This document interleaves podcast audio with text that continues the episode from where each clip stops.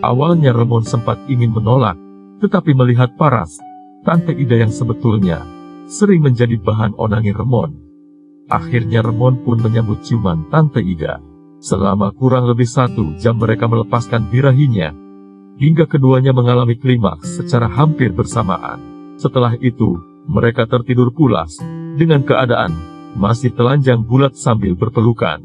Mulai saat itu setiap keadaan kostan dan sepi Remon sering melakukan kunjungan diam-diam ke rumah Tante Ida.